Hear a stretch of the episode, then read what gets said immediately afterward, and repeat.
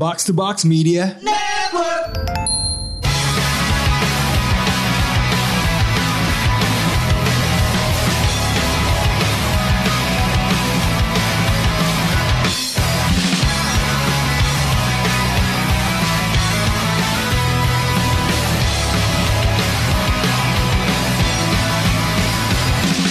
Konnichiwa. Konbanwa. Kontoru. Selamat datang di Satu SKS segmen terbaru dari Otaku Box podcast Jepangan paling strong yang digawangi oleh punggawa dari PN Media. Ada gue Pikir Alamsyah. Ada gue Irlan Hadian. Ada gua Galang. Jadi di satu SKS ini kita sebetulnya awalnya upload di Spotify kita, tapi karena sudah resmi kita sudah menjadi WR PN Media dan Otaku Box Sudah menjadi nakama. sudah menjadi nakama dan memutuskan nakama. untuk mempererat lagi hubungan kita ke depan untuk memajukan Jepangan, memajukan perwibuan tidak hanya Nah, kancah dia. regional tapi juga nasional. Kita Jepangkan, kita wibukan Nusantara ini. Ya. Nggak, Kan- kalau di Jepang kan udah pernah. Di Jepang kan tuh Wah. udah pernah. Iya. Ya, Sekarang tapi- di wibu, tapi positif, kan Jep- maknanya positif. Kalau dulu kan kolonialisasi gitu. Kalau ini imperialisme tapi gaya baru. Gak kayak. Tapi ini lebih lebih soft lah. Kita menjepangkan Nusantara itu artinya kita memperkenalkan hal-hal yang baik dari Jepang. Iya. tapi tidak Soalnya kan di samping itu kan kita lagi rising juga kan budaya Asia Timur, ada yang Korea, ada yang China juga. Sekarang kita di aspek Jepang ya kan. Ya, tapi kita tidak melupakan juga ikut serta membawa budaya-budaya lokal Oh, dalam pasti, penyebarannya pasti. gitu ya. Itu Jadi di satu SKS penting. ini eh, seperti yang mungkin teman-teman udah pernah dengar juga di Spotify PN Media, kita ngebahas anime sebetulnya apa yang kita tonton dan apa yang kita baca dari manga gitu ya. Kita kaitkan atau mungkin kita bahas dengan cara yang sedikit unik gitu. Kita coba refleksikan dengan kejadian-kejadian ada di dunia nyata. Nggak lama-lama gitu ya. Kalau kita ngomongin definisi satu SKS itu kan ya secara definisi waktunya itu durasinya 50 menit gitu ya. Jadi ya mungkin nggak nggak sampai satu jam mana. Kita nggak nggak lama-lama. Mungkin cuma 15 menit, 20 menit gitu ya. Pokoknya Hmm. kita ngebahasnya cepet aja gitu. Jadi supaya kita bisa memaksimalkan waktu seperti di kelas. Oke oke sip. Jadi mungkin Ah. awalnya ini ada update apa dulu nih? Karena kalau Otaku Box itu kan Hmm. ada update-update sedikit ya. Mungkin update-update Oh iya ya. Ah, benar, dari Soalnya kita eh, kita nggak biasa update update coy. Baru pakai kalau pas di Otaku Box nih baru pakai update update. ya kita coba update-update lah mungkin. Iyalah. Seperti recent update dari Irland dulu ada apa hari ini? Waduh, tiba-tiba ke saya. Saya kemarin abis nonton One Piece, lanjutkan eh, ketertinggalan saya. Sam sekarang itu baru episode 970-an deh pokoknya gue nonton. Si, si jauh ya. sampai masih jauh. Si jauh sekali. Iya, masih- Teman-teman masih nakama Oden. lainnya sudah pada memperdebatkan Oda. Jadi iya, Oda Anda masih baru pengen. Aduh, saya masih eh, melihat hikmah dari Oden. Oden sesungguhnya yang direbus. Oke. Jadi update-nya itu aja, Bung. Anda update nonton One Piece. Iya, Kalau Bung dari- Galang, kalau Bung Galang update apa dari- Kalau saya, saya update-nya eh, akhirnya baca scan One Piece yang ke 1044 ya, yang terbaru tuh. Ya. Dan apa eh, ya sesuai ini sih. Kan gue udah lihat spoilernya sebelum gue baca. Jadi ya hambar aja bacanya gitu. Hambar aja Paling di gitu. luar ini gue juga baru ini nih berlangganan Xbox eh, Game Pass ya. Akhirnya mau nyobain gitu selama lima bulan game-game yang eh, lumayan seru gitu. Dan di daftarnya itu kalau nggak salah ada Yakuza, ada franchise Yakuza. Dan ya semoga gue bisa nyempetin waktu buat namatin lah. Karena gue suka franchise-nya. Ya, apalagi menjelang puasa ya, Bung ya. Wah, Ya, ini. Kita harus Betul. menyiapkan eh, tenaga-tenaga, harus menyiapkan amunisi-amunisi kita Amunisi. untuk menahan nafsu supaya bisa berpuasa Hmm. dengan baik gitu ya. Jadi kita bisa menunggu waktu maghrib, bisa dengan main game tadi seperti Bung Galang, Pawaling Gamer, Iya. Irlan dengan melanjutkan menonton One Piece-nya. Tapi kalau saya nanti Ya. nih saat puasa ditemani dengan suara ketok-ketok palu dan juga chat-chat tembok karena update saya Iya. hari ini rumah saya baru menjalankan renovasi. Jadi update saya Pakai gitu gordeng aja. harga 40 juta gak? Waduh, murah banget. Buru-buru. Oke, eh, jadi eh, tadi juga kita udah sentil menyiapkan puasa gitu ya. Karena kita kan juga uh, akan menjalani ibadah puasa ya bagi teman-teman yang muslim. Tapi sebelum itu gue ingin mengucapkan selamat kepada teman-teman dari Otaku Box yang telah membuka Torikaizoku, Weh, uh, sama tempat di mana semuanya bisa menjadi nakama. Gue suka banget tagline-nya uh, dan dan memang menurut gue uh, bentuk Tori itu ibaratnya kayak semacam safe space ya bagi teman-teman wibu, teman-teman otaku atau mungkin seluruh umat manusia pun akan menjadi apa ya nyaman gitu wibu ya. pada Pada umumnya- jadi wibu. Pada umumnya wibu lah ya, tapi gue rasa semua manusia juga kalau datang ke Tori juga merasa safe space itu di sana. Ya, Oke, Iya. kembali ke tema kita hari ini. Pas banget tadi masuk ke puasa gitu ya. Jadi tema kita hari ini membahas hikmah puasa dari animanga gitu ya. Jadi mungkin Hmm. gue ingin membuka dengan pertanyaan gitu ya. Ketika ketika kita mendengar kata puasa, yang terpikirkan di kalian gitu, karakter atau serial anime gitu ya, yang membawa makna puasa ini apa sih gitu? Coba Irlan dulu mungkin, biar, biar bisa sekalian juga menjelaskan makna puasa ini apa sih? Karena anda kan yang pawaling ustadz di sini. Buset, set, gak gitu konsepnya. Oke, kalau misalkan kita mau ngomongin karakter anime gitu kan yang terkait dengan eh, tema kita ini, mending kita definisin dulu nih biar tahu nih puasa tuh eh, yang kita maksud di sini tuh apa sih gitu kan? Ya. Yang bukan sekedar hanya menahan lapar, Haus, haus gitu ya. sampai iya, sampai maghrib gitu kan. Tapi ini adalah eh, sebuah skup besar gitu kan dari eh, sudut pandang yang lebih universal gitu. Bukan sih, lebih makro gitu kalau gue lihat. Hmm. Atau lebih bisa dibilang lebih deep justru. Tergantung di perspektifnya. Jadi puasa itu adalah urusan bagaimana kita itu menahan diri. Jadi nggak seakan-akan itu cuman bulan Ramadan atau puasa-puasa Senin Kamis gitu kan. Itu kan Ya. sebenarnya dalam baik prakteknya gitu kan. Tapi hikmahnya adalah kita seharusnya apa eh, diminta untuk menahan diri Dari, Dari, segala keburukan Eh, gitu ya. hawa nafsu dari hawa nafsu iya karena eh, manusia ini kan kita ada yang namanya nilai kebebasan ya kan dan itu yang ya udahlah kita di di dunia demokrasi ini udah tahu lah kebebasan itu apa keniscayaan manusia dan itu sudah ada dari lahir gitu tapi kebebasan ini harus ada yang namanya eh, netralisirnya gitu harus ada lawannya jadi Harus kalau ada gitu, batasan-batasan. Iya, harus ada batasan-batasan. Nah, itu yang dimaksudkan dengan konsep puasa gitu. Jadi kebebasan yang eh, terkontrol lah ibaratnya. Ya, jadi ibaratnya kita menahan diri dari sesuatu yang membuat kita bisa melewati batas gitu ya. Jadi Iya, betul. jadi kita hidup kita memang lurus ibaratnya. Tapi dalam lurusan itu kan ada parit-parit yang bisa saja mencelakai kita. Nah, untuk bisa Hmm. kita menghindari parit-parit itu dalam kehidupan, itulah konsep puasa, konsep menahan diri gitu ya. Apa kira-kira Lan? Karakter animanga atau mungkin serial animanga yang mengingatkan lu kepada puasa gitu. Kalau kalau dari karakter anime sih lumayan banyak gitu ya. Terutama sih kita ngomongin yang eh, anime-anime yang terkenal aja misalnya kayak Naruto atau One Piece gitu kan. Kalau dari Naruto yang gue pelajarin itu contohnya kayak Jiraiya gitu kan. Yang mana enggak sih, ini karakter menarik nih ya. Jadi Hokage ketiga kan punya anak kan Sanin, tiga Sanin gitu. Ya, murid-murid. murid dia punya anak tuh. Dia punya murid ya kan. Ada Jiraiya Orochimaru Tsunade gitu kan. Nah gue lihat kalau misalkan orang yang memiliki kebebasan tapi tidak punya kontrol itu ada di Orochimaru gitu kan. Tapi kalau orang yang tahu batasannya itu ada di Jiraiya gitu. Tsunade pun kalau gue rasa juga begitu. Soalnya kan dia waktu jadi begini waktu dia di eh, Hokage ketiga sudah tiada gitu kan.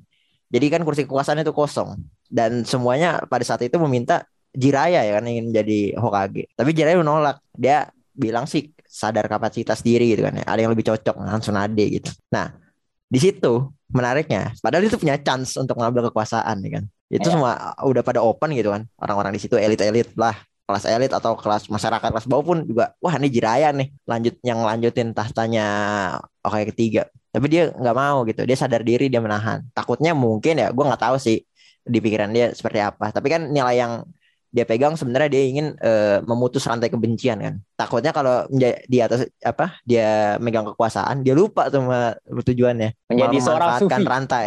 Iya, mau jadi memanfaatkan rantai kebencian. Aduh. Aduh. Tapi menariknya Iya. tuh kalau ngomongin Jiraya gitu ya. Mungkin secara katakanlah secara kepentingan atau secara lahiriah dia itu menolak gitu ya. In- Intinya dia Iya, mem- menol. menahan diri atau puasa dari eh, sekat-sekat kekuasaan gitu. Dia menjauhi kekuasaan agar su- supaya dia tidak terlena gitu. Karena kalau kita ngomongin kekuasaan, kutipan dari Lord Acton Hmm. ini menarik. Mungkin masih relevan sekarang gitu ya. Power tends to corrupt, absolute Iya. power corrupt absolute. Mungkin dia takut menjadi korup itu sendiri gitu. Sosok Hmm. Jiraiya itu makanya dia akhirnya meminta mencari mencari penggantinya lah gitu. alih-alih dia yang Iya. menjadi Hokage dia akhirnya berkelana untuk mencari Tsunade gitu kan untuk Iya, untuk betul, menggantikan untuk menggantikan dia menjadi Hokage tapi di- dia puasa hanya dalam lingkup itu saja lan karena ketika kita membicarakan terkait dia membuat novel, dia menulis Ya, novel, iya. gitu ya. dia butuh referensi-referensi yang mana dia mengintip. itu kan dia tidak berpuasa, namanya. Jadi gini bos, orang tuh di dalam kehidupannya udah pasti berbuat dosa gitu. Gue. Tapi tinggal pilih yang mana. Ya, dia nggak mau ambil dosa kekuasaan dia, nggak mau tuh dosa lebih gede kayaknya. Dia Waduh, maunya dosa pribadi ya ini.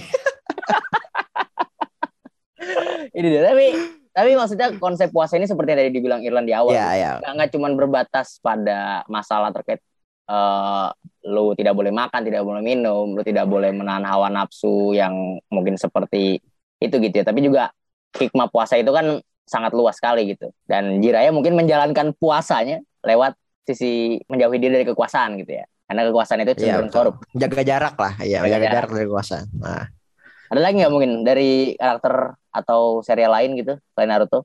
Karena gue juga mau bahas. Ya. Iya iya iya. Kalau kalau dari selain Naruto One Piece yang gue lihat banyak tuh kayak ada misalkan di Shirohige itu sebenarnya dia kan dikasih tahu One Piece kan. Dan dia di- dikasih tahu di itu artinya apa gitu. Tapi dia nggak milih menyebarkan. Tapi kalau Shirohige sih tahu sih gue karena dia tujuannya itu bukan emang pengen menguasai dunia atau ambisius terus ditahan gitu. Dia punya ambisi yang ditahan. Ya, dia emang sekedar ingin punya keluarga. Dan apa gue sih yang yang paling ini sih di Arc Wano ini yang terbaru ya yang kalian tonton ya bagaimana eh loyalis-loyalisnya klannya Oden gitu yang lama dia benar-benar berpuasa itu menunggu ramalan yang tidak pasti jadi yang yang nonton One Piece juga pasti gila jadi tuh eh, dia kan dijarah ya Wano itu dijarah sama dijajah diinvasi invasi sama si eh, Kaido gitu dan eh, raja yang terdahulu si Oden itu dijatuh apa eh, dius- ya di, dihabisin lah klannya dia tuh yang berkuasa si klannya Oden Nah, istrinya Oden bilang gini, 20 tahun lagi bakal ada sembilan samurai-nya Oden bakal ngambil lagi apa? ngebuka Wano gitu. Jadi bakal ambil lagi tahtanya di Wano. Nah, jadi loyalis-loyalis itu yang di situ menunggu 20 tahun.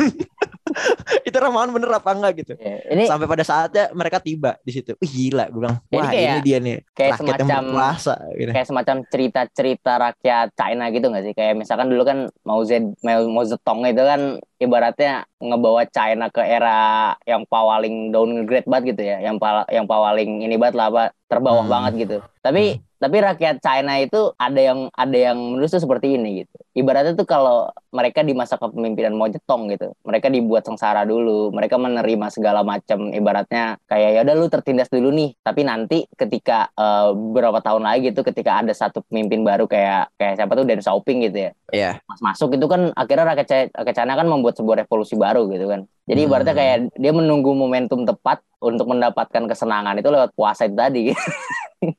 Iya iya iya. Jadi sebenarnya yang dia yang diambil nilainya gini, rakyat itu bukannya tidak mau melawan gitu kan. Dia mereka tuh hanya nggak tahu sebenarnya. Nah, mereka lebih bijak aja dalam eh, mengatasi ketidaktahuannya mereka gitu. Daripada gue sotoy-sotoy gitu kan, menggerakkan suatu apa ya, ya gue pengen lawan gitu kan. Tapi ternyata kalah juga tahu ujung-ujungnya gagal juga. Mendingan ya udah gue tunggu aja sampai ada orang yang tahu gitu. Kalau enggak gue cari tahu gitu kan. Sabar. Nah, sabarnya itu yang yang diuji kan di situ dengan waktu.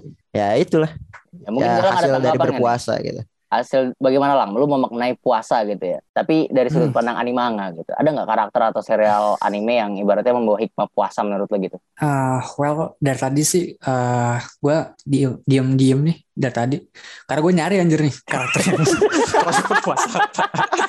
gue nih. lupa nih. Tapi kalau top of mind, kalau top of mind gue ya, yang langsung muncul sih itu eh, ada karakter namanya itu eh, Miyamoto Musashi ya dari Vagabond eh, manga. Dan dia kan juga based on real life juga kan. Eh, Ya, Miyamoto beneran tokoh yang ada gitu. Ya, ya. Dan apa eh, dari apa yang gue baca sih dia eh, menerapkan apa ya nama way of life itu dokodo kalau salah. Jadi ya eh, itu berhubungan sama bagaimana lo mengontrol emosi, terus juga eh, untuk apa ya menahan desire lah gitu. Itu itu eh, berkaitan sama puasa kan ya. Ya, ya, ya, ya. Iya, Maksudnya iya, definisi iya. dari puasa. ya. Nah, Terus juga paling selain dari eh, Miyamoto tadi gue ini sih apa eh, dari serial Samurai Champloo namanya itu Jin. Hmm. Eh, dia kalau gue gue agak lupa sih, eh, tapi yang seingat gue ya dia tuh eh, ya itu tadi menahan kesabaran to to the max lah intinya itu sih kalau gue sama apa namanya eh, selain dari menahan kesabaran eh, kita kan pasti juga membicarakan tentang ini ya manner kan Eh, Ya, ya, ya. manner gitu. Iya ya. Nah, eh, itu yang gue lihat dari si Jin dari Samurai Champloo itu juga sih. Nggak, itu aja sih paling Pik. Lupa gue soalnya anjir. Tapi ngomongin terkait mengontrol diri gitu ya. Terkait ngomongin Ya. mengontrol diri. Sebetulnya yang pengen gue bahas ini juga eh, pemaknaan hikmah puasa terkait pengontrolan juga gitu. Karena kalau di serial Naruto itu kan kalau misalkan sebelum sebelum Naruto mengikuti perang dunia ninja keempat itu, dia diberi tugas sama si Killer Bee itu untuk misinya adalah supaya bisa mengendalikan QB gitu kan. QB ini kan kita tafsirkan dari awal sebagai bentuk kebencian. Bentuk kebencian paling absolut lah. Ibaratnya semua kebencian, semua amarah itu ada di di sosok QB gitu. Jadi ibaratnya nih, ketika ada Jin Churiki yang bisa mengontrol QB ini, artinya itu dia sudah mendapatkan makna atau hikmah puasa paling tertinggi. Artinya dia sudah mencapai fitri gitu.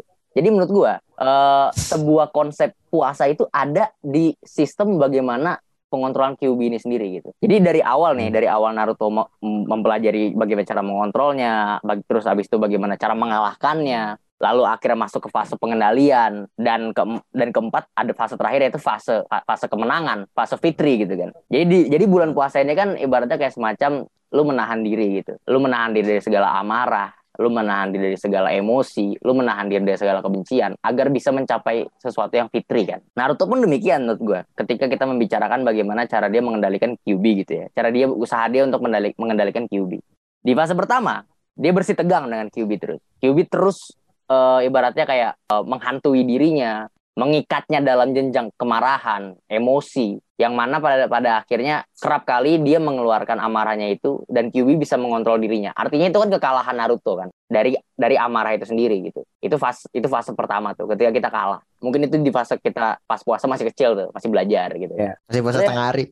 Yang kedua, fase perlawanan. Nah, ini kita udah mulai melawan hawa nafsu kita udah mulai memahami hikmah puasa itu sendiri di mana kita mulai mencoba gitu untuk melawan hawa nafsu kita. Ya, kita melaksanakan hal-hal yang harus dilakukan saat puasa gitu ya. Atau ya mungkin eh, kita menjauhi segala hal yang sifatnya buruk gitu. Naruto pun juga demikian. Dia ketika masuk ke fase perlawanan ini, dia mencoba mengakhiri eh, kelalaian dia ketika ketika dia gagal dalam mengendalikan QB gitu. Makanya dia belajar ibaratnya kayak semacam eh, menitikan cakra sama Jiraya gitu kan supaya dia bisa mengendalikan. Lalu ada fase eh, di mana dia belajar sama Kakashi juga. Lalu yang terakhir ya itu ketika dia belajar melawan QB mengendalikan supaya bisa mengendalikannya bersama Killer Bee itu kan.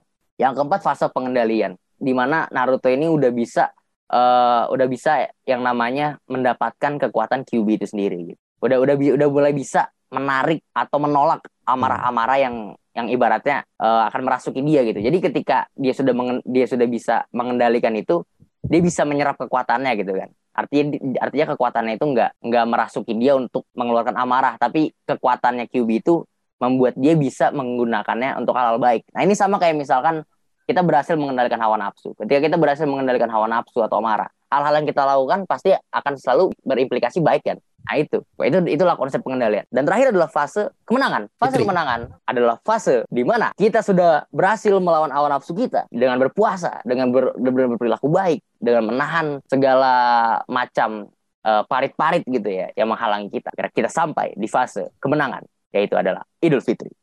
oke. Kalau kalau gue melihatnya seperti, seperti itu. Jadi puasa itu ibarat kata kayak fase-fase pengendalian QB lah. Ya, ya, ya. Ya karena kan kita setelah lebaran biasanya tuh lupa ya kan sama hikmah puasa. Makanya tiap tahun selalu diulang tuh puasa. Biar kita ingat hikmahnya apa sih sebenarnya gitu puasa. Bukan sekedar cuma nahan mak apa makanan minum Iya. aja gitu. Tapi Tapi secara kembali secara untuk meninjau sebenarnya iya sebenarnya itu kembali eh, gimana kita meninjau perjalanan kita tahun kemarin itu kan apakah ada evaluasi lah gitu kan. Karena ya tiap puasa kan gitu kan selalu Ya. ada apa sih evaluasi tahun kemarin gua kayak gimana sekarang gimana gitu kan. Ya Makan bentuk dari situ. evaluasi juga ya karena Ah, ya puasa secara praktik tentu menahan dari makan dan minum dan segala Iya, macam. Tapi tentu ada hikmah di balik ibaratnya filosofisnya pasti ada lah. Nggak mungkin puasa itu kayak cuman lu semacam menahan lapar dan haus doang gitu kan. Tapi ada filosofi-filosofi dan makna-makna atau hikmah-hikmah yang bisa kita ambil dari puasa itu sendiri. Jadi eh, PN Media dan juga mewakili Otaku Box mengucapkan selamat menjalankan ibadah puasa.